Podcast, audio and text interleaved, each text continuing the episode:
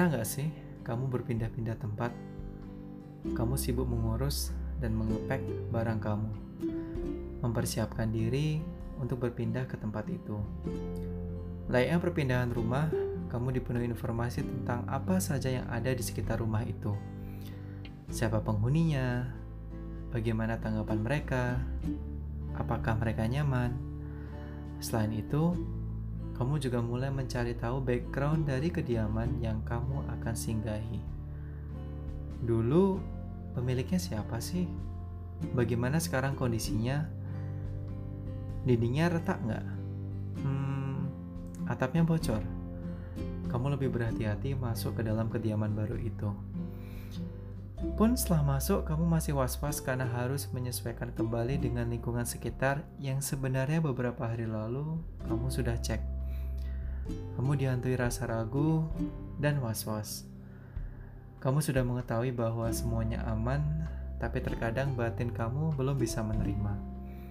Damn, gue baru aja loh menempati rumah baru ini. Itu baru rumah baru. Kalau hati yang baru, gimana?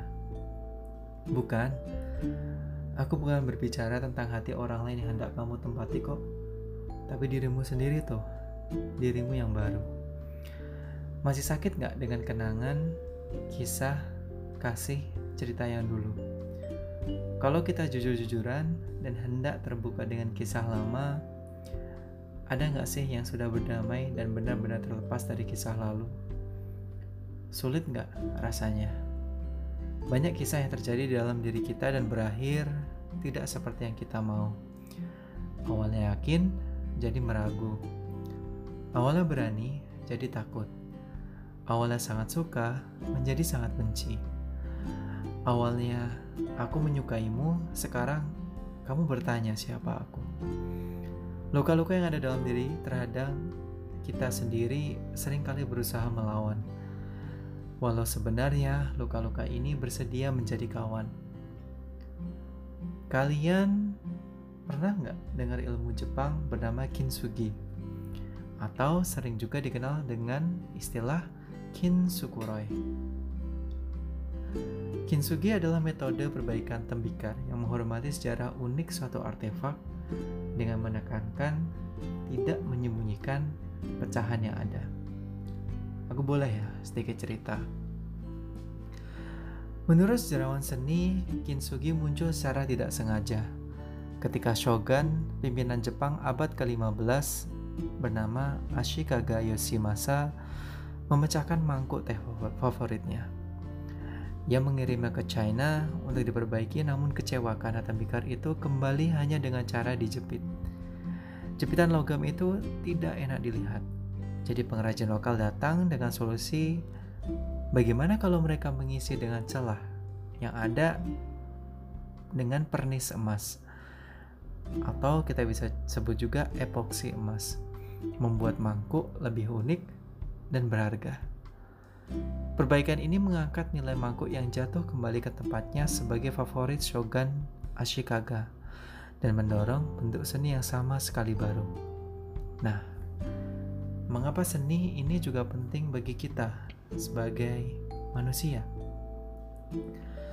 Kamu mungkin tidak mengharapkan orang lain menjadi sempurna, kamu pun mungkin sebenarnya menghargai ketika orang mengekspos kerentanan mereka, menunjukkan luka lama, atau mengakui kesalahan.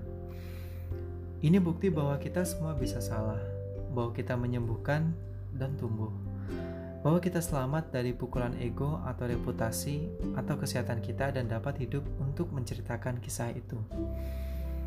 Mengungkap kerentanan dengan mengakui kesalahan, menciptakan keintiman dan kepercayaan dalam hubungan dan menumbuhkan saling pengertian.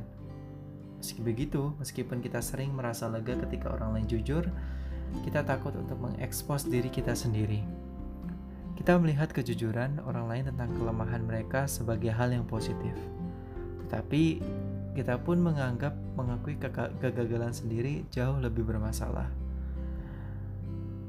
Hmm, ini terjadi karena kita memahami pengalaman orang lain secara abstrak, tetapi melihat pengalaman kita sendiri secara konkret, abu dan kayu. Kita merasakan hal-hal yang terjadi pada diri kita secara intim dan fisik. Di sisi lain, apa yang terjadi pada diri orang lain berfungsi lebih seperti kisah instruktif. Karena rasa sakit kegagalan bukan milik kita sendiri, dan jarak memberi kita perspektif. Kita semua mengerti secara teori bahwa hal-hal buruk dapat terjadi, tetapi kita juga merasa sangat, sangat buruk ketika itu terjadi pada kita dan menghukum diri kita sendiri.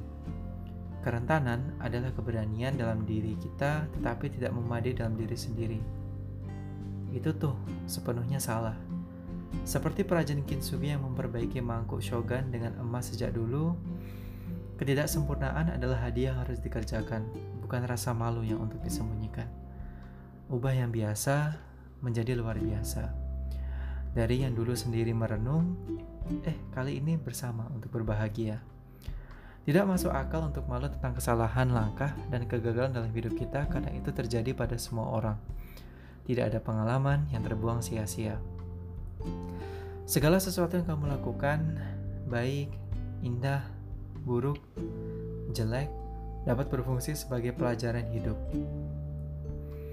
Bahkan jika itu adalah pelajaran yang kamu tidak akan pernah ingin mengulanginya lagi. Selebih, sebenarnya, kesalahan bisa menjadi pengalaman paling penting dan efektif dari semua.